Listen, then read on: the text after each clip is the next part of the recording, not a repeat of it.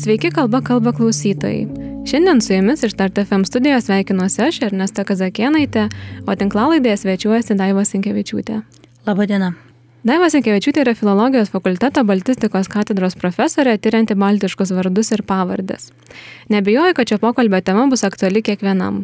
Visi mes turime vardą, kurį mums davė, taip pat ir pavardę, kurią paveldėjome, o neretas greta šių turi ir pravardę, kuri prilipo. Taip pat greičiausiai jūs esame bandę sužinoti, kodėl būtent tokį vardą gavome, ar svarstė, jis gražus ar ne. Taigi šiandien apie vardus, pavardės ir truputėlį apie pravardės bei jų davimo tendencijas. Visus mano paminėtus asmenvardžius, kaip ir kitus vardus, tyria onomastikos mokslos ir ties atstovai. Tai gal nuo to ir pradėkime, profesorė. Kas yra ta onomastika ir kokios pagrindinės tyrimo kryptis? Na, onomastika tai yra mokslas apie vardus, tik tai tas vardų supratimas, aišku, yra gerokai platesnis. Tai ne tik tai tas vardas, kurio vadinamas yra žmogus, bet yra ir pavardės, pravardės.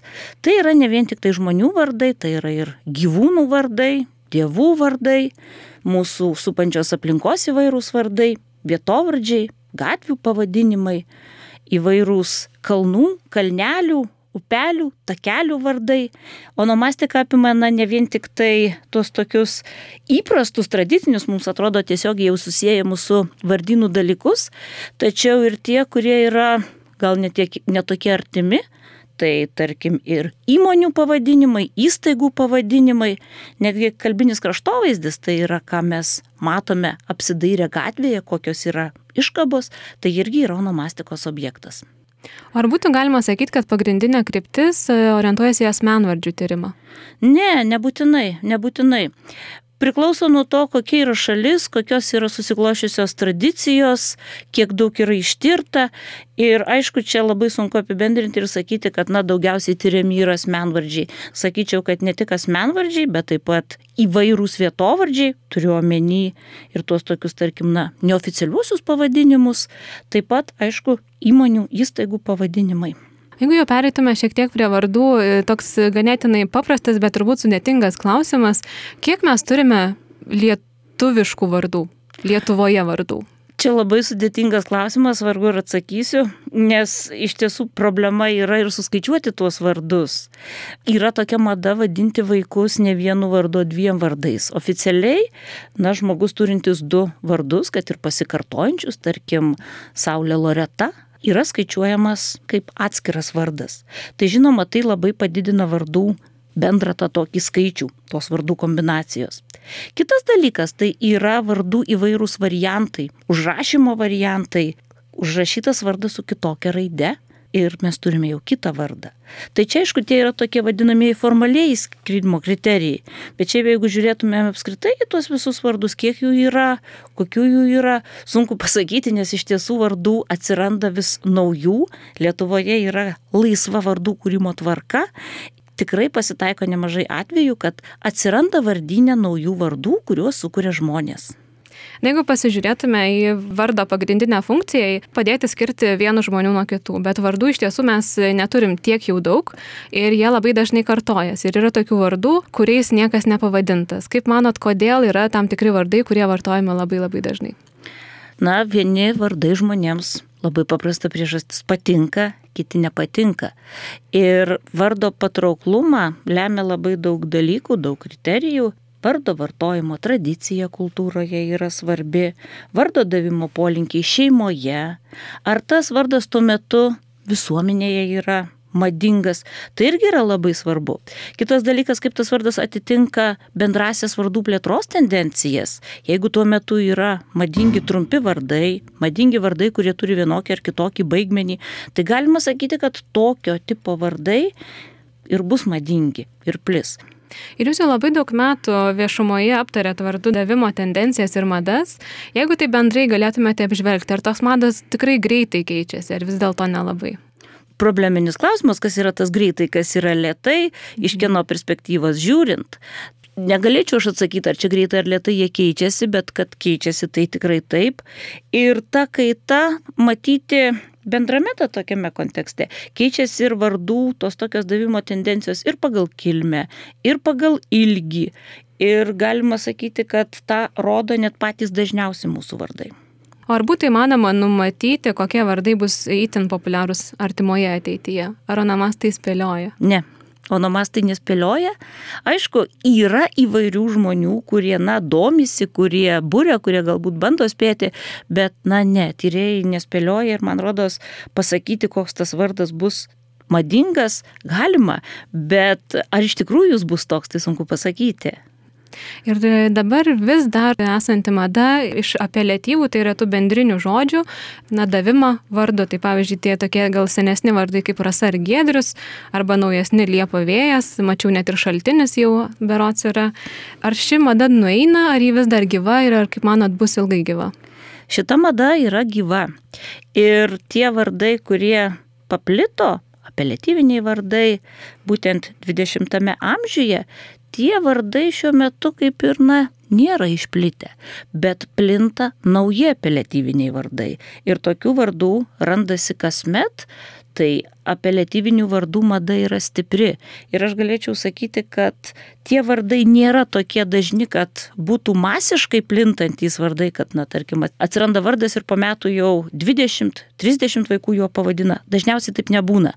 Bet iš tiesų atsiranda tokių atvejų, kai vardai plinta. Pavyzdžiui, iglė realybės šou turėjo įtakos to vardo plitimui ir aišku, iglės bumas ir iglės vardo populiarumas yra didelis.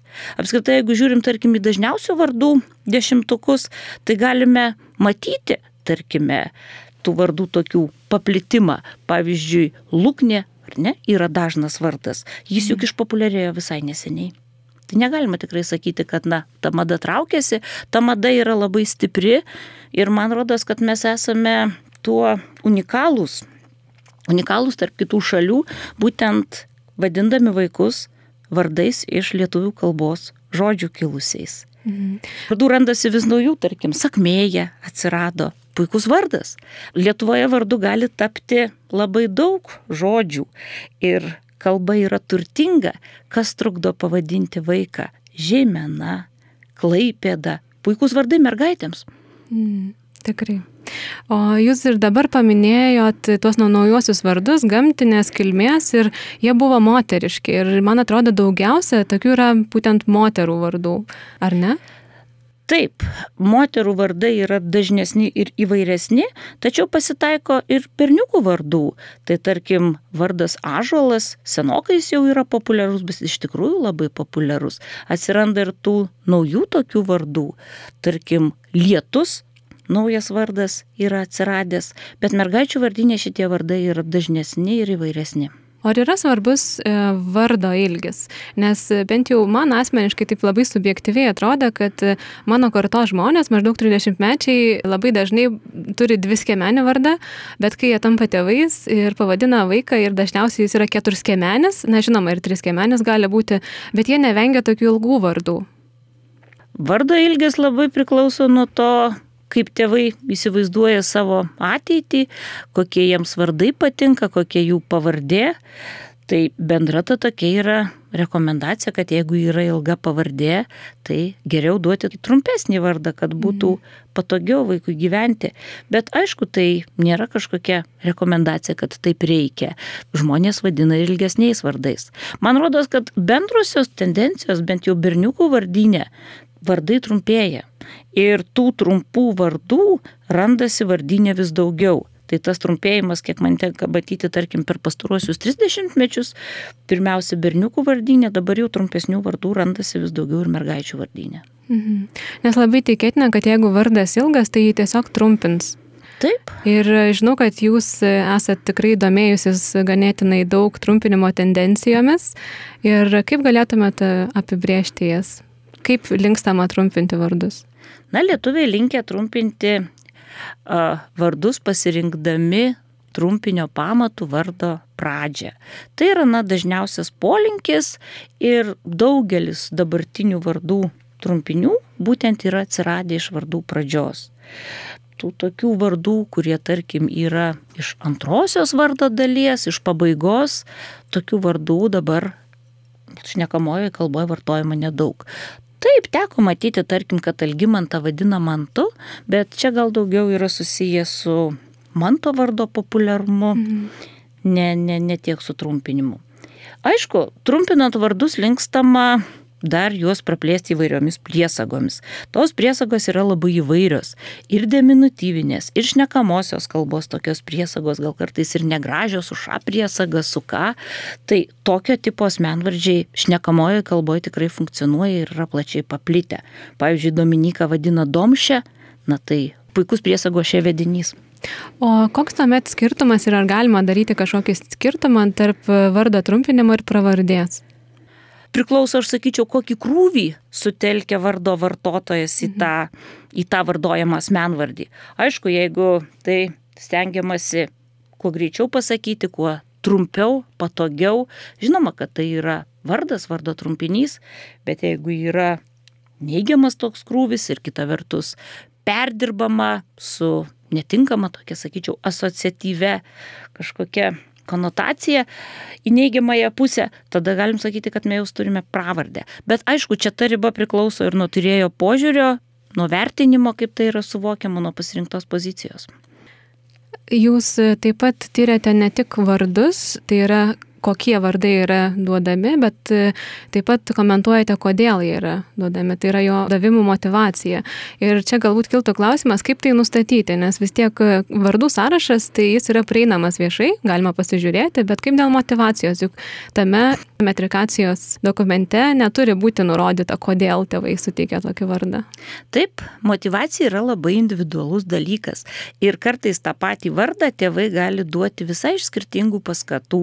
Jo Jonu vaiką gali pavadinti dėl to, kad jo senelis buvo Jonas, Jonu gali pavadinti dėl to, kad patinka Jonas Valančiūnas. Kiti, duodami vaikams vardus, dar pagalvos, kad oi, daug čia Jonų, graži šventė, pavadinsiu savo vaiką ir aš to Jonu.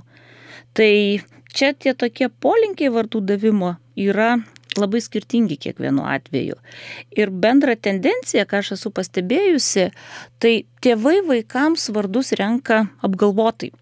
Gal nuskambės kiek ir paradoksaliai, bet anksčiau, tarkim, vyresni žmonės, tarkim, kai mano tėvai davė man vardą, taip pat, tarkim, na, jų kartos žmonės vadino vaikus, gal daugiau tas toks kriterijus buvo svarbiausias patinka tas patikimo kriterijus patinka, mhm. gražus, dėl to ir daviau. Na, pažįstu galbūt tokį žmogų ir pagal jį aš pavadinu tą vaiką.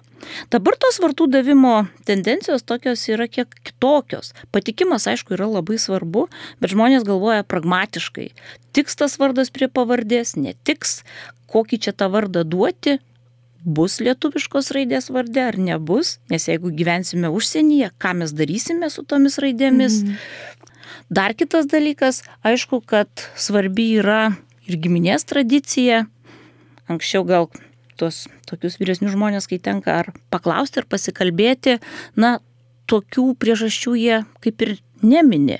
Bet dabartiniai, dabartiniai tėvai, kuriems tarkim 30 metų, kuriems daugiau negu 30 metų, jie tokius dalykus kalba. Tai jiems tai yra svarbu. Ir tėvai domisi ir vardų kilme, labai kilmė yra svarbi. Vėlgi priklauso nuo požiūrio, kas nori duoti lietuvišką vardą, kaip jie suvokia tą lietuvišką, kas nori duoti nelietuvišką vardą. Kiti galvoja, kad čia reikia suderinti ir būtinai dėl to duoda du vardus. Tai tos priežastys labai yra įvairios. Bet aišku, pagrindinis dalykas, norint išsiaiškinti vardų davimo priežastis, reikia kalbėti su žmonėmis, klausti. Ir tą darbą su studentėmis, esu kelių darbų ir vadovė tokio tipo, aiškinamės. O ar dažnai sulaukite klausimą, koks jums yra gražiausias vardas? Dažnai sulaukiu klausimą. Ir kaip, ir kaip į jį atsakot? Lokimantas. Mhm. Lokimantas tai yra toks raktinis, sakykime, vardas, tai yra naujasis dvikamienis asmenvardis. Jis liudyja labai daug gražių dalykų, kad antrasis dėmuo yra labai stabilus, būtent tas mantas. Ir pirmasis kamienas, pirmasis dėmuo yra lo, lokys, tai yra ta vieta, kur yra kur vyksta kaita asmenvardžiuose, kur yra atnaujinamas vardynas, tai būtent pirmasis dėmuo. Vardas Lokimantas, man atrodo, gražus, gražus būtent dėl to sukūrimo fakto ir aišku gražus, nes labai įprasmina įprastų dvikaminių vardų kūrimo bruožus. Mhm. Bet e, greičiausiai visi yra girdėję, kad negalima duoti vardo bet kokio, na kokią tik įsigeidžia tėvai. Jūs ir pati e, minėjote apie na, lietuviškas raidės vardę arba ne. Kas visą tai prižiūri ir kas sprendžia vardo e, teiktinumo klausimus Lietuvoje? Na, paprastai, kai vaikas gimsta, tėvai per tris mėnesius turi tą vaiką tam tikrų vardų įregistruoti. Ir paprastai pildo dokumentus, dabar jau galima pildyti ir internetu, nereikia fiziškai vykti. Tai aišku, jeigu tas vardas yra įprastas, girdėtas, žinomas, paprastai problemų nekyla. Bet jeigu koks nors keistas, pavyzdžiui, susigalvotų vaiką pavadinti kokiu nors skaičiumi arba neigiamos konotacijos vardu, pavyzdžiui, na, išsiskaitytų kokiame nors leidinyje, kad taip skambantis vardas kažkokioje kalboje turi teigiamą prasme, o lietuvių kalboje labai neigiama reikšmė. To pamato yra. Tai žinoma, kad tada, na, nieko nebūtų, kad tokio vardo greičiausiai mm -hmm. metrikatoriai neregistruotų ir siūstų konsultuotis į valstybinę lietuvių kalbos komisiją tuos mm -hmm. žmonės. O jau valstybinė lietuvių kalbos komisija yra vardino pakomisija ir tokius probleminius atvejus svarsto. Tai paprastai, jeigu tai tik tai yra įmanomas variantas, problemų nekyla. Bet aišku, jeigu na, norima pavadinti vaiką skaičiaus, skaičiumi tam tikru, tai žinoma, kad tokio vardo niekas neregistruos. Kaip dažnai registruojami nauji sukurti vardai? Ir ar yra kaupiama kažkokia bazė, kad tas vardas yra tikrai naujas ir pirmą kartą pavartotas? Na, aš pati tokius vardus tai kaupiu. Turiu aš tą tokią bazę, kokie tie vardai atsiranda nauji, bet vardinė yra tokie dalykai, kad jeigu yra naujas vardas, žmonės jį išgirsta, patinka, jis jau po keliarių metų tampa nebe naujas, tuo vardu pavadina ir kitus vaikus. Tai dėl to tas vardo naujumas yra toks slidus klausimas, nes taip, tais metais jis yra naujas, bet paskui kas nors nusiklauso, nugirsta, koks jis yra gražus. Tėvai, kurie laukia vaiko, dažnai varto, domisi vardų svetainė, vardų svetainės puslapiais ir jeigu jis būna paviešintas, sutvarkytas, būna tikrai nemažai atvejų, kad jis plinta tas vardas, atsiranda kitais metais tuo vardu. Du, trys vaikai pavadinti, paskui mhm. vėl atsiranda daugiau. O kaip jūs juos išskiriat, kad tai, pavyzdžiui, yra naujas vardas? Tai jeigu taip labai paprastai, tiesiog peržiūrite visų vardų sąrašą ir greičiausiai pagal dažnumą. Jeigu yra labai retas, tada peržiūrit tų metų retus vardus ir identifikuojat, kad čia, va, visiškai naujas. Na, šiek tiek yra kitaip, nes ta vardų svetainė, vardai VLKKLT, tai yra sukurta na, man vykdant projektus kartu su valstybinė lietuvių mhm. kalbos komisija. Ir visų tų vardų aprašo autorė esu aš. Ir man padėję yra nemažai kompiuterininkai. Tai būtent, kai yra gaunami duomenys iš registro centro, yra sulyginama informacija jau su turimais bazėje vardais. Tai tas sąrašas atrasti išskirti tuos vardus, kurie yra nauji visai neproblemiška. Ir aišku, čia gal taip skamba labai gražiai, mes įsivaizduojam tus tokius vardus skambius, sakmėje, lietus, bet daugelis naujų vardų, kokie ateina į Lietuvos vardyną, tai jie yra be galūnių, neadaptuoti, labai įvairios vardų formos, kurių iki šiol nebuvo registruoti vardynė. Čia aišku žiūrima pagal tuos tokius, na, formaliuosius kriterijus. Tai naujų vardų tikrai pasitaiko nemažai ir aišku, nauja kombinacija, kokia iki šiol nebuvo registruota, tai jau iš tiesų yra naujas vardas. Jeigu taip reikėtų suskaičiuoti, kiek naujų vardų kasmet atsiranda arba tų tokių naujų vardų kombinacijų Lietuvos vardinė atsiranda. Tai berniukų šiek tiek mažiau, mergaičių daugiau, nes mergaičių vardinas visada pasižymi didelė įvairovė, na didesnė už berniukų. Tai sakyčiau, kad iki tūkstančio kartais būna tų naujų kombinacijų. Tai visai daug. Bet Manau. tos kombinacijos, aišku, yra mhm. labai, labai įvairios, labai lietuvių ausiai neįprastos vardų formos ir jie, na, taip tokie dokumentiniai vardai daugiau lieka. Mhm. Ir jūsų minėtoje e, vardų svetainėje dar egzistuoja toks neprigyjusių rekomenduojamų vardų sąrašas, toks labai įdomus. Tai yra vardai, kurie e, yra lietuvių vardų kilmės žodinė, tačiau jais nepavadintas ne vienas žmogus. Ir e, tarp jų yra ir baltiškos kilmės, kaip Algenis, Davilta, Geisteras arba svetimosios, kaip pavyzdžiui Jozapotas, Liucida Zabė. Ir tai rodo, kad, na, vardai keičiasi, ne, nes tie vardai, jie buvo kažkada, bet jų nebėra. Ne yra šiek tiek Ernesta kitaip. Mhm. E, Ta sąrašą į svetainę sudariau aš pati. E, Paprasčiausiai kažkuriais metais, dabar nebeprisimenu kuriais, pasižiūrėjau, kokių vardų nėra mūsų vardinė, kurie yra Kuzavinio lietuvių vardų kilmės žodinė. Mhm. Bet tie vardai, kurie yra Kuzavinio ir Savukino lietuvių vardų kilmės žodinė, tie vardai ne visada yra egzistavę, nes dalis lietuvių kilmės vardų į tą žodyną yra įtraukti, na, kaip niekada neegzistavę, nes jie yra sukurti autorių. Jais siūloma vadinti vaikus.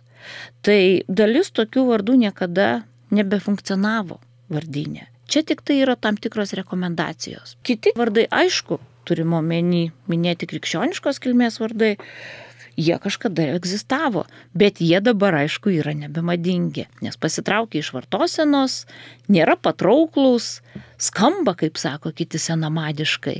Bet tos mados iš tiesų pagal tai galima matyti, kaip keičiasi. Bet viso to sąrašo taip suvokti, kad ten yra tokių vardų, kurie yra, na, tarkim, kažkada duoti ir išnykę, mhm. tai tikrai ne. Ten yra ir sukurtų tokių vardų, kurie paprasčiausiai nepaplito. Ir dar kitas dalykas, kad kai buvo paplatintas tas sąrašas, žinoma, žmonės naudojasi internetu, Norėjo būti originalūs. svetainę. Taip, jie norėjo būti originalūs ir tie vardai jau yra duoti. Mhm. Labai įdomu. O ar esate žiūrėjusi, kiek iš to sąrašo jau yra? Ne, nesu tiesą sakant žiūrėjusi, neprieina rankos, Taip. galima gal tai pasakyti, bet vardų įvairovė yra gerokai didesnė negu Kuzavinio savukino žodinė. Ir tarkim, jeigu žiūrėtumėme į lietuvių kilmės vardus, vadinamosius baltiškus vardus, tarkim, kad ir į dvi kamienius asmenvardžius, bent jau, tarkim, pažiūrėtumėme į tuos kamienus, su kuriais yra sudaryti žodinėlyje minimi vardai, tokių vardų yra gerokai daugiau. Tai, kas ten yra tame sąraše, tai yra, mano supratimu, nedaug. Ta gyvoji vartosena yra gerokai didesnė, daugiau vardų yra duota. Mhm. Taip, tai galbūt visiems tiems, e, kurie norėtų būti originalūs, tai galėtumėte jau išmesti akį į tą sąrašą ir pasižiūrėti. Taip pat vardų svetainė greičiausiai padėtų ir pasižiūrėtumėte, ar yra užfiksuotas toks vardas ar ne. Nes aš įtariu, kad tikrai yra žmonių, kurie norėtų duoti vaikui vardą unikalų, kurio niekas daugiau neturi. Tėvai gali sukurti vaikui vardą. Pas mus Lietuva yra labai laisva vardų davimo laisvė. Ir čia, jeigu žiūrėtumėme mūsų tradicijas, tai tikrai yra daug galimybių kurti tuos vardus. Nes nekalbame apie tų vardų kažkokią vertę, svorį visuomenėje, bet laisvė sukurti vardą visada yra. Ir tėvai kūrė savo vaikams naujus vardus ir tarkim vieną kamieną ima iš senųjų dvikamienių asmenvardžių, o kitą kamieną traukia iš dabartinių madingų vardų. Pavyzdžiui, puikus vardas - Matautas. Matas ir tautas kaip Vytautas. Mhm. Arba, tarkim, Matvydas. Matas ir Vydas, ar ne? Ar Vydas tokį patį baigmenį turi. Mhm. Tomantė, pavyzdžiui. Tomas, ar ne? Pirmasis dėmuo Toma, kas yra irgi madinga. Ir toliau antrasis dėmuo Mant irgi iš dvikamienio asmenvardžio ateina. Tai va čia kūrė tėvai tuos vardus ir prie to sąrašo, sakyčiau, gal nereikėtų prisirišti, nes aišku, taip, ten yra tie dar neduoti vardai. Arba kad ir duoti, tai labai retai duoti, galima ten pasižiūrėti, susirasti, bet jie neduoti dėl to, kad buvo nepatrauklus, nepatiko, man rodos, na, neskambėjo, kaip sako tėvai. Mhm.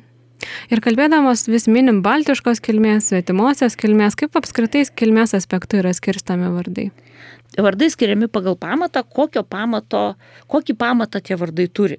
Jeigu mes siejam tuos vardus su sava leksika, lietuvių leksika, taip pat, tarkim, fiksuota prūsų, latvių kalboje, tam tikri atitikmenys, mes sakome, kad tai yra baltiški vardai.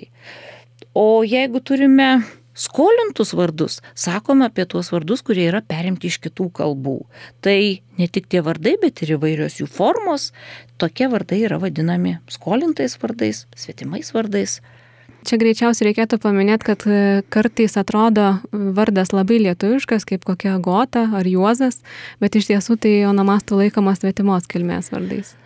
Taip, bet čia turbūt, na, ne filologams tokie klausimai kyla. Čia, žinoma, žmonės, kurie yra nesusidūrę su kalbų kontaktais, nesusidūrę su kalbomis, taip galvoja, tokios nuomonės būna. Jiem Jonas yra pats lietuviškiausias vardas. Bet tai yra mūsų tradicija tokia. Mes pripratę tuos vardus laikyti savais, bet jeigu jie yra savi, kaip Jonas, kaip Juozas, tai dar na, nereiškia, kad jie yra lietuviški vardai. Mhm. Čia kalbėdami, sakydami, kad jie yra lietuviški, žmonės įdeda kiek kitokią prasme. Ne kilmės prasme, bet na, mūsų kažkokio tapatumo prasme, kad čia mūsų yra paveldas tam tikras jau kultūros šities menvardžiai. Mhm. Ir dar minėjo tokį žodį kaip dvikamienis. Aš žinau, kad e, galbūt reikėtų daugiau apie tai pakalbėti. Gal galite išplėsti, pateikti pavyzdžių. Na, dvikamienis vardas tai yra tas vardas, kuris sudėtas iš dviejų kamienų. Pats vardas dvikamienis apie tai sako. Tai toks vardų tipas yra senas, mes tokius vardus esame paveldėję iš senų laikų ir tokio tipo asmenvardžiai tai yra mūsų kunigaikščių vardai, tarkim, Vytautas, tai yra dvikamienis asmenvardis. Turime pirmąjį kamieną vy, siejama su išvysti, išvydo ir taut su tauta. Čia iš tų senųjų tų tokių tipų dar turime trumpinius, turime peletyvinius vardus, bet va tie dvikamieniai asmenvardžiai, kaip vienas iš tų tokių senųjų tipų, perimtų, paveldėtų, išsaugotų pavardėse ir nuo 20-ojo amžiaus vėl pradėjo plisti. O dvikamienės vardas buvo baltiška kažkokia ypatybė, ar čia universali tuo laiku? Universali. Tokių vardų būta ir kitose tautose, ir slavai, ir germanai tokius asmenvardžius turėję. Ir mes būtent dėl šitų asmenvardžių esame tokie patys. Tai tuos menvardžių yra išlikę ir kitose ir kalbose. Ir graikų kalboje yra dvikamienių asmenvardžių. Tai yra senas vardų tipas, paplitęs. Aišku, kiekviena kalba vėliau juos savaip išplėtojo. Ir jeigu žiūrim, tarkime, į mūsų asmenvardžius, baltiškus asmenvardžius, lietuviškus asmenvardžius, galima matyti tą tokį bruožą, kad vardų kamienai jau yra dedami vienas prie kito, nepaisant tų kamienų reikšmės. Tai kaip tam tikros priesagos, kaip kubeliai, galima sakyti, dėliojami, kuriant naujus asmenvardžius. Mhm. Ir jūs minėdama apie baltiškus vardus, minėjot, kad tai buvo kunigaikščių vardai ir gal turbūt visi žino, kad na, ne tik Jogaila, bet ir Butrinos ir taip toliau yra tie baltiškiai vardai, bet e, dažniausiai yra minima, kad tai yra vyrų vardai. O kaip dėl moterų vardų? Baltiškos kilmės? Na, yra ta tokia nuomonė, kad moterų vardai nuo vyrų vardų skiriasi baigmeniu. Mhm. Problema su moterų vardais yra ta, kad istorijos šaltiniuose moterys minėtos yra gerokai rečiau, tai susiję ir jūsų statusų visuomenėje, ir su aplinkybėmis paprastai patekdavo į dokumentus vyrai, nes jie buvo atsakingi ir už šeimą, valdė turtą, o moterys minėtos rečiau. Tai žinoma, dėl to mes turime daug mažiau žinių apie moteris. Ir moterų asmenvardžiai kurie patekę yra į istorinius šaltinius, yra reti. Ir dar kita problema, kad moterys dažnai dokumentuose, kai jau pradėti nuosekliau rašyti tie dokumentai, yra užrašomos pagal vyrą. Na, kieno nors našlė, kieno nors žmona, sesuo, apskritai užrašoma net nenurodant jos vardo, bet naudojant vyro asmenvardį, nu, na, naudojant vyro vardą, naudojant tėvavardį, rodyti į priklausomybę. O kaip manat, kokios kilmės vardų duodama daugiausia šiais laikais? Daugiau mhm. yra duodama skolintų vardų. Baltiškų vardų įvairovė yra didelė, bet jei žiūrėtumėme kiekybiškai skaičių jų, jų yra mažiau. Aš tiesą sakant, na, nesuskaičiavau vis dar, kiek čia tų vardų yra ir, na, ne dėl to, kad nemokėčiau skaičiuoti, negalvojau, kad čia reikėtų skaičiuoti tuos mhm. vardus. Jeigu žiūrime taip į tuos tokius užrašymus, kiek kartų pasikartoja tie vardai, kokie jų yra įvairovė, tai būtent dažnesni yra skolinti vardai. Ir aš tai minėčiau, įskirčiau būtent krikščioniški vardai, krikščioniškos kilmės vardai ir jų įvairios formos. Tai tokio tipo asmenvardžiai yra dažnesni, dažniausia, bet žinoma, viskas priklauso nuo to, koks yra vardas. Kartais aišku, kad kai kurie baltiški vardai yra labai dažni ir kai kurie krikščioniški reti. Bet va bendroji tendencija būtų tokia. Mhm. Ir greičiausiai kasmet į lietuvių e, vardyną atkeliauja naujų skolintų vardų, bet ar vyksta atvirkštinis procesas, kad pavyzdžiui baltiški vardai yra skolinami kitose šalise? Tų vardų pasitaiko Latvijoje, Latvių vardinė, o kitose šalyse tai tie vardai pradeda plisti per emigrantus. Lietuvos Respublikos piliečiai gimę užsienio šalyse pavadinami savos kilmės vardais, lietuviškais vardais ir aišku, tokiu būdu jie tuos vardus populiarina. Savo vardą mes negalim pasirinkti ir tikrai turbūt esam girdėję tokiu atveju, kai žmonės keičia savo vardus. Tai yra, kai sulaukia atitinkamo amžiaus, kai galima tai daryti, jie keičia. Ir kaip tai vyksta Lietuvoje? Ar tai dažnas atvejis ar ne? Kaip manat? Kaip be būtų keista, negaliu pasakyti, nes aišku, vardo keitimo reiškinys tai yra toks individualus reiškinys. Kiek registrų centras pasidalina tą informaciją viešai, tiek mhm. yra žinoma. Šiaip yra tikrai tokių atvejų, kad kartais tėvai yra kreipęsi ir į mane atskirai, ir į valstybinę lietuvių kalbos komisiją, prašydami patarimo, nes užregistravo vaikui vardą ir mhm. paskui pagalvojo po poros mėnesių, kad tas vardas jam netinka. Ir kaip čia dabar padaryti, kad to vardo atsikratytų, kad tas mhm. vardas netinkamas, ar skamba blogai, ar turi neigiamą konotaciją. Ir yra tokių atvejų tekę, na, būti, matyti tuos atvejus, kad tėvai nori pakeisti tą vardą. Tai čia aišku, tas toks yra daugiau gal patikimo, nepatikimo reikalas. Ir aišku, rekomendacija, na ką, laukti, kol vaikas sulauks tau amžiaus, kada bus galima keisti vardą ir jeigu jau taip labai nepatinka, tai prisidėti galima antrą vardą, kuris tėvams patinka. Mhm. Nes kai kuriems tėvams, na, iš pradžių vardas patinka, tarkim, Elija, bet po poros mėnesių tas vardas pasidaro negražus, pradeda galvoti, na, čia konkretus jau tas mhm. pavyzdys pradėjo galvoti, kad čia tas vardas gal daugiau berniukui yra tinkamas, o ne mergaitiai ir dėl to na to vardą norėjo atsikratyti. O kada žmonėms pradėjo nebeužtekti tik vardo? Kada atsirado pavardės? Pavardės atsirado mhm. skirtingų metų Lietuvoje. Tai aišku, kad pirmiausia, pavardės atsirado kilmingųjų sluoksniuose, paskui nekilmingųjų, kaip ir visame pasaulyje ir visuose kraštuose, kur yra tos pavardės. Pirma, pavardės gavo miestiečiai, miesto gyventojai, vėliau kaimo gyventojai. Tai susiję yra su įvairiomis aplinkybėmis. Žinoma, kad reikėjo parodyti, kas priklauso šeimai, kas priklauso giminiai, paveldėjimo dalykus spręsti. Ir žinoma, vieno vardo nepakako. Dėl to, aišku, žmonės pradėjo užrašyti įvairiais papildomais prievardžiais, įrašydavo tėvavardžius, būtent jie ir tapo pavardžių pamatu. Mhm. O kada tai vyko maždaug Lietuvoje? Na, pavardžių formavimos ir stabilizavimosi laikotarpis Lietuvoje yra 16, 17, 18 amžiai. Čia, aišku, ta tokia skirtis yra labai formali, bet paprastai manoma, kad jau 18 amžiaus pabaigoje, 19 amžiaus pradžioje lietuviai turi pavardės. Mes, aišku, nieko nesame nei išskirtiniai, nei kitokie. Tie procesai mūsų regione vyko daugelį kraštų panašių metų ir aišku, Lietuvoje jie irgi buvo. O kaip lietuvių pavardžių atsiradimo laikotarpis atrodo rytų Europos kontekste? Ar mes vėliau ar anksčiau, kada, nes kažkaip visi labai mėgsta tas datas, kas pirmi, kas paskutiniai? Ne, mes tikrai nesame paskutiniai, nesame jokie mhm. atsilikėliai.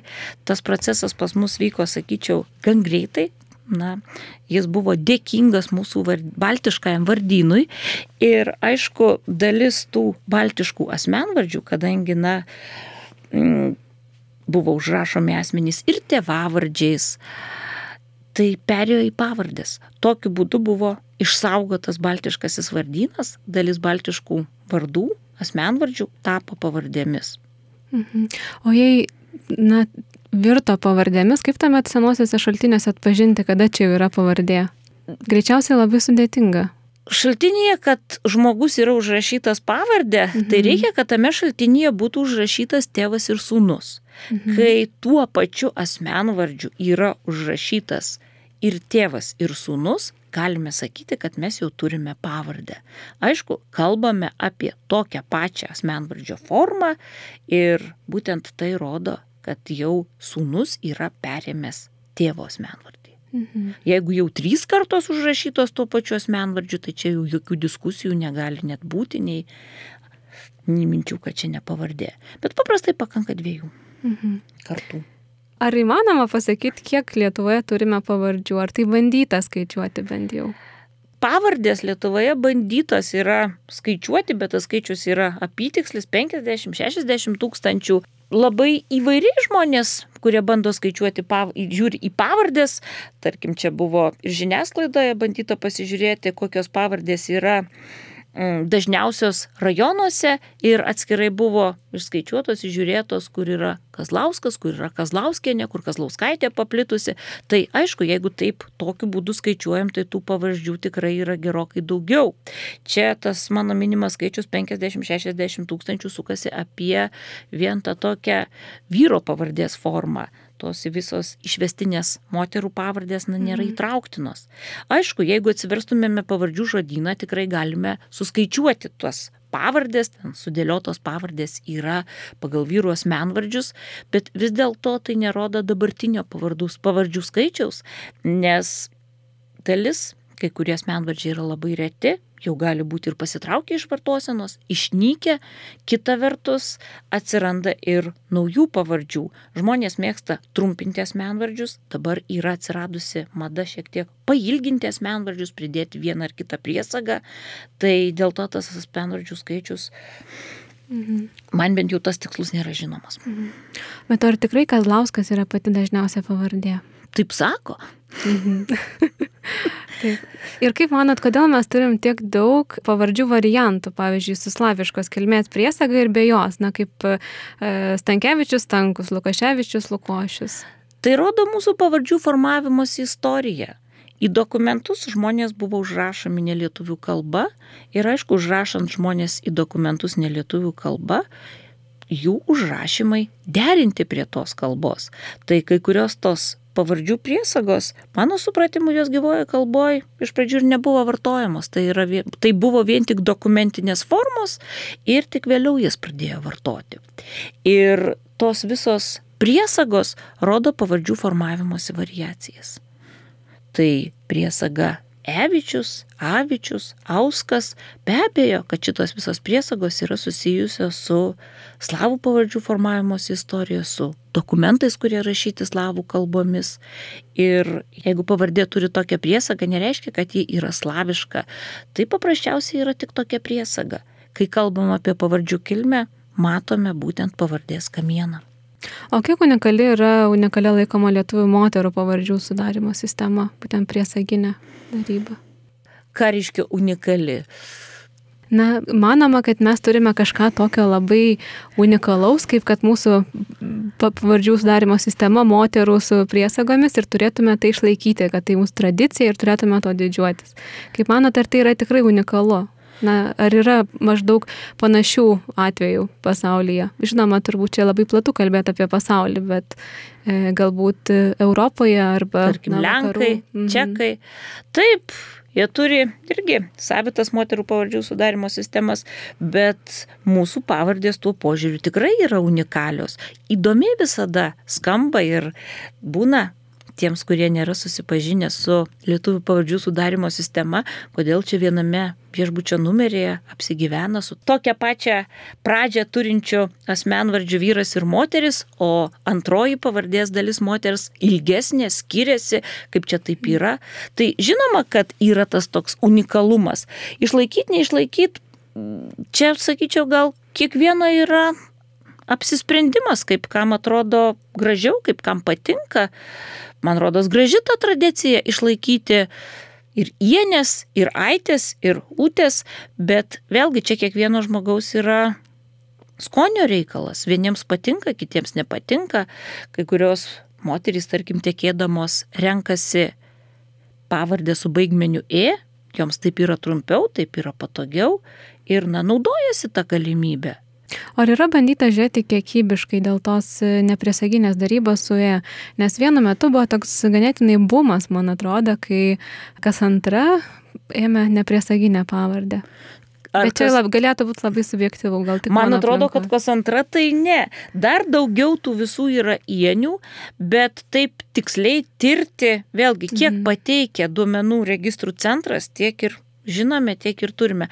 Ne, aš pati tų tokių duomenų, na, neturiu, nesu žiūrėjusi, nesu tyrusi, nežinau, ar pavyktų netgi gauti tokio tipo duomenys, bet šiaip iš tiesų būtų įdomu pasižiūrėti, kokie tų moterų pasirinkimo kriterijai yra, kodėl renkasi tokią pavardę. Mm.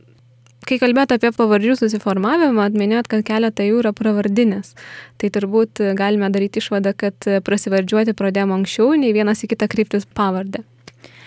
Na, pravardinės pavardės savoka, aišku, čia plačiau aš paminėjau, aišku, kad na žmogaus pavadinimas pagal kažkokią ypatybę, savybę, juk nebūtinai neigiama gali mhm. būti pravardė. Ir aišku, gal sakykime daugiau tų tokių apeliatyvinės kilmės pavardžių, tai yra pavardės atsiradusios iš įvairių lietuvių kalbos žodžių, kurie nusakė ir profesiją, ir veiklą. Tai aišku, kad tarkim pavardė koks bajorūnas atsiradusi iš bajoras, tai yra apeliatyvinės kilmės pavardė, na, plačiaja prasme galima sakyti, kad tai pravardinė kilmės, ar ne? Mhm. Bet čia turbūt klausimas apie pravardės yra šiek tiek kitoks, nes žmonės prasivardžiavo, prasivardžiuoja, gal turbūt ir prasivardžiuos. Tik su pravardėm šiuo metu yra labai didelė problema.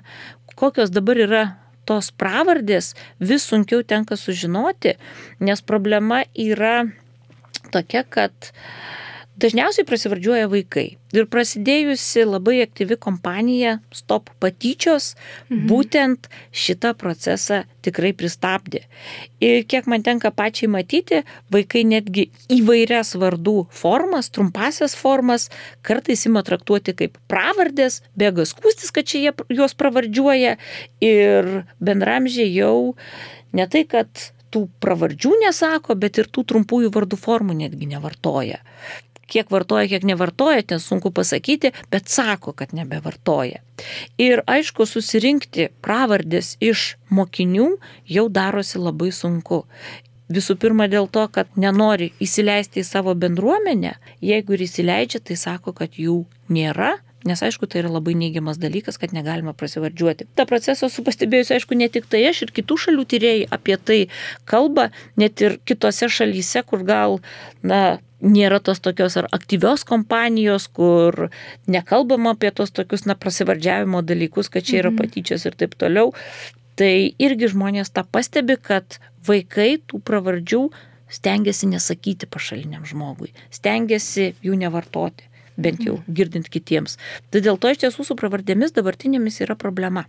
Rinkimo problema, sužinojimo problema. Taip ir greičiausiai vis tiek yra tokių tyrimų ir jūsų studentai rašo šiomis temomis ir apklausia, tai yra anketos. Bet greičiausiai apklausti, kaip sakėt, kad linkstama mokinius, vaikus, kad tarsi jie labai daug prasivardžiuoja, bet ar yra tokių, nežinau, saugusių tyrimų, kur buvo bandytas pasižiūrėti, kaip saugia prasivardžiuoja ir ar jie atsako į tos anketos klausimus. Dabartinių, tarkim, na, 21 amžiaus, žinokit, kiek aš žinau, ne, Bet tarkim iš tų senesnių laikų, to vadinio sovietinio laikotarpio yra Alvido Butkaus puikia monografija lietuvių pravardės, bet ten yra apie kaimo žmonių pravardės. Tačiau dabar aš esu bandžiusi vykdyti ir su studentais tokius darbus, kad jie rašytų, apklausas renkti, bet kelis kartus jau studentai grįžo tuščiomis jiems nepavyko surinkti medžiagos, nes jų neįsileido į jokią mokyklą, bandė, na, rinkti ir per artimuosius, tarkim, viena mergina turėjo jaunesnį brolį, brolis buvo mokinys, devintokas, bandė per jį susižvėjoti tas pravardės, jai nieko nepavyko. Tai čia pravardžių rinkimas dabar tikrai yra probleminis ir studentai dabar jau neberašo darbų apie pravardės. Mhm. Galima sakyti, jau na penkerius metus apie pravardės niekas pas mane nieko nerašė. Nei semestrinio darbelio, nei dalyko rašto darbo, kur yra labai trumpas darbelis, nei didesnio kažkokio darbo. Mhm. Bet kad tų pravardžių yra tai tikrai, nes aišku, kai pareina dukra iš mokyklos, į tų pravardžių parneša. Ne tik pravardės yra neoficialiai jaunimai, yra ir vardų neoficialių. Lietuvoje? Taip, Lietuvoje, kaip ir kitose šalyse, egzistuoja daug neoficialių vardų formų ir mūsų tos neoficialios vardų formos yra įvairios. Tai yra ne tik trumposios vardų formos, kai na, žmonės vartodami, na, kai žmonėms vartoti per ilgą vardo formą yra per daug pastangų ir laiko ir jie ją sutrumpina, bet aišku, kad vartoja ir įvairias diminutyvinės vardų formas, priesaginės vardų formas. Tai tokio tipo asmenvardžiai yra pas mus paplitę. Ir tos diminutyvinės vardų formos vartojamas ne tik šeimos aplinkoje, bet ir bendraujant su draugais, tolimesniais tais tokiais pažįstamais, tokiu atveju pasitaiko. Ir čia pernai aš esu vadovavusi tokiam magistro darbui, kuriuo buvo domėtasi, kaip kokias neoficialiasias vardų formas vartoja Latvijai. Tai būtent panašus neoficialiųjų vardų vartojimo polinkiai išriškėjo, na, tokie kaip ir Lietuvoje, taip ir Latvijoje. Kad aišku irgi linkstama įvairias diminutyvinės priesagas pridėti, šnekamosios kalbos priesagas pridėti ir aišku taip pat egzistuoja labai daug tų trumpųjų formų. Tai vardai nėra tik tai trumpinami, bet jie yra ilginami. Taip, nes klasėje yra... mes turėjom tokį gedrį ir niekas nevadino gedrį, visi sakė gedraitis ir buvo visiems gedraitis. Taip, vardai yra plečiami įvairiomis priesagomis, bet čia aišku turbūt jau gal tas gedraitis daugiau su tam tikru pravardiniu mhm. Aspektu, ar ne, su toks pravardinis krūvis prisideda prie to tokio asmenvardžio, bet tos diminutyvinės priesagos yra gajos, jomis mėgstama, linkstama vartoti ir kalbant, ir kalbant apie žmogų, ir jį kreipiantis. Ir tai yra, aišku, visai gražu. Šiaip tos neoficialiosios formos tai yra, na, ne tik vardai, bet dar žmonės būna internete ir internete irgi lygiai taip pat pasirenka tam tikrus vardus.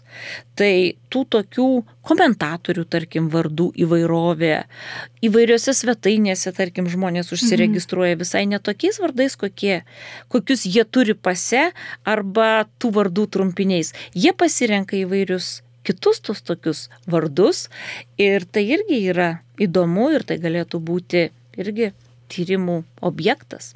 Ar tai yra daroma, ar yra tyriama? Taip, e, šitie asmenvardžiai yra tyriami, bet Lietuvoje tokių tyrimų yra nedaug, kitose šalyse tai yra daugiausiai daroma. Ir čia vėlgi ta tokia, na, problema yra, kad sužinotum, kodėl tokį žmogus pasirinko vardą, tu turi ir su juo susisiekti ir paklausti.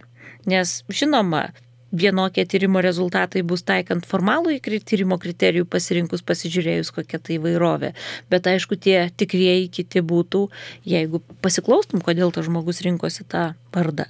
Tai čia irgi atskiras rytis ir irgi atskiri dalykai ir galima labai labai plėstis. Dargi, jeigu kalbame apie tuos tokius neoficialiuosius vardus, tai sakyčiau, kad pravardės tarsi, na, yra pasitraukiantis kaip tyrimo objektas, būtent dėl tokių, na, sunkių rinkimo aplinkybių. Mhm. Ir būtent tie internetiniai įvairūs vardai, tie, kuriuos pasirenka žmonės, tampa, na, dažnesniu tyrimo objektu, mhm. matomu tokiu patogesniu gal susirinkti. Ir žinau, kad e, latvių kalboje, man atrodo, ir lietuvių kalboje, kai yra pridedama prie vardo deminutyvinė priesaga, tai dažnai prie moterų vardų yra pridedamos vyriškos Taip. deminutyvinės priesagos. Kaip visa tai yra, ką apie tai mano onomastai? Tai nieko, puiku, ne. labai gerai. Tai yra, na, mhm. gražus toks reiškinys, mes jį turime ir linkstama turbūt apibendrinti pagal tą vyriškąją giminę.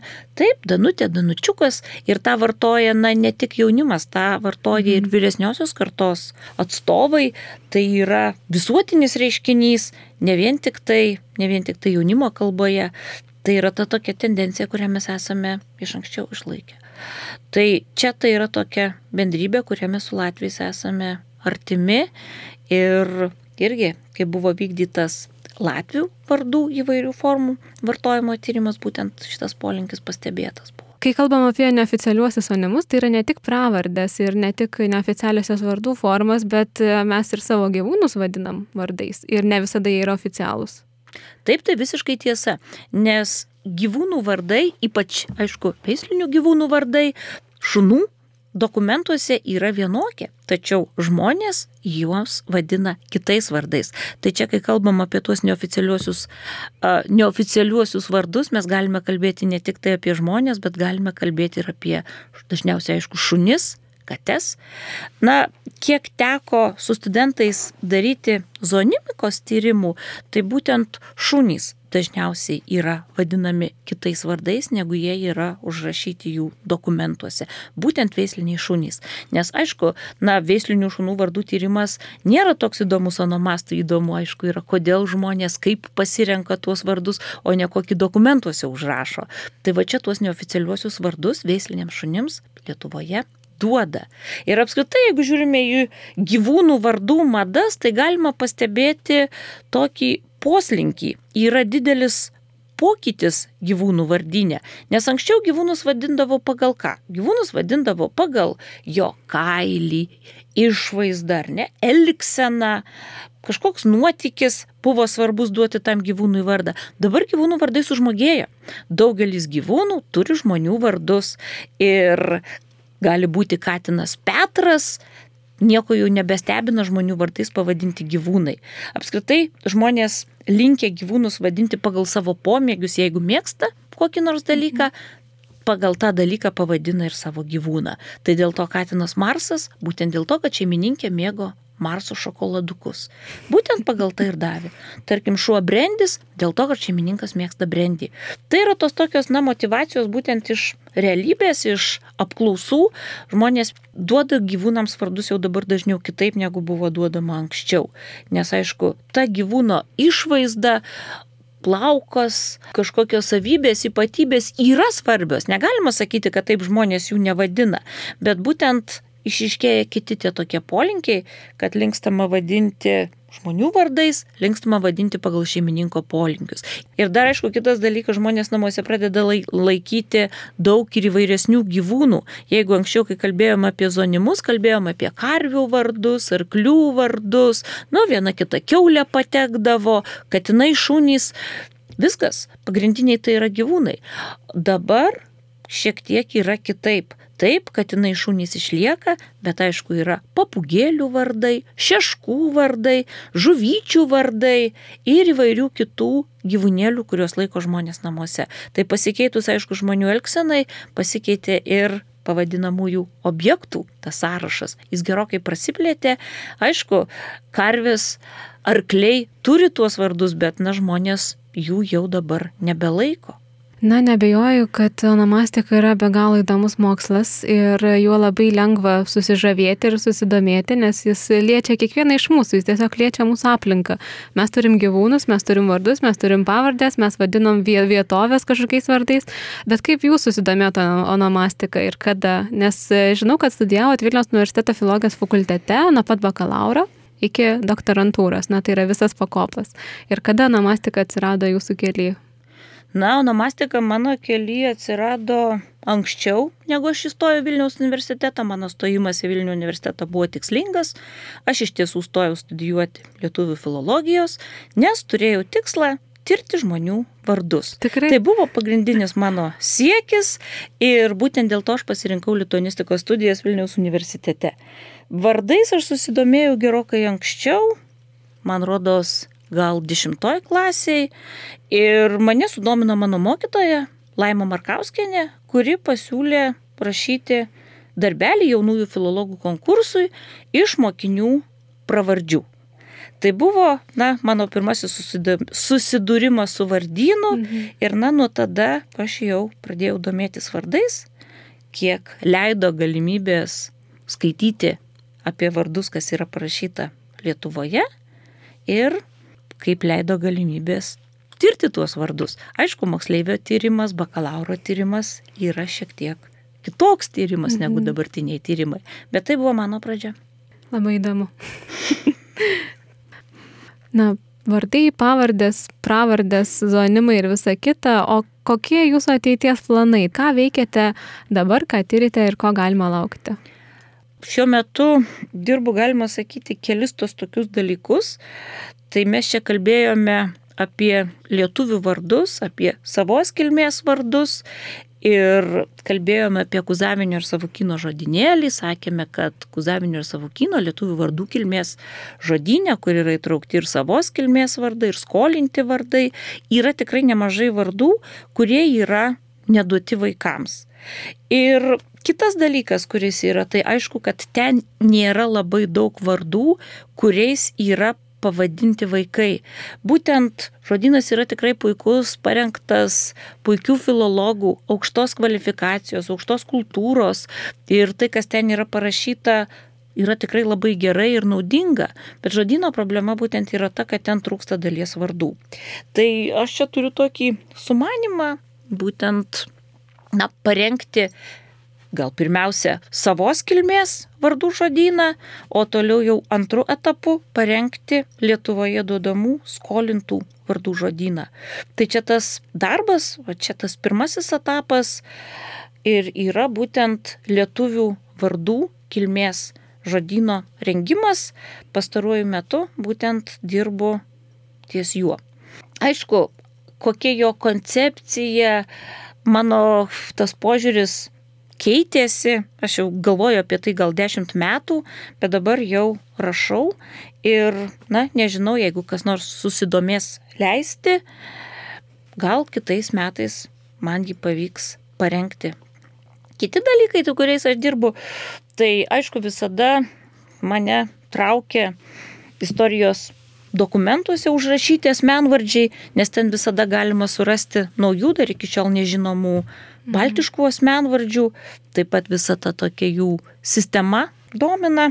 Taip pat dabartiniai vardai, kadangi ir tą žodyną rengiu, dabartiniai vardai irgi yra labai įdomus ir vienas iš tų tokių aspektų, kad pagalvojau, jog visai prasminga būtų pasižiūrėti į vardus pagal jų formaliuosius kriterijus, pagal tam tikrus struktūrinius tipus.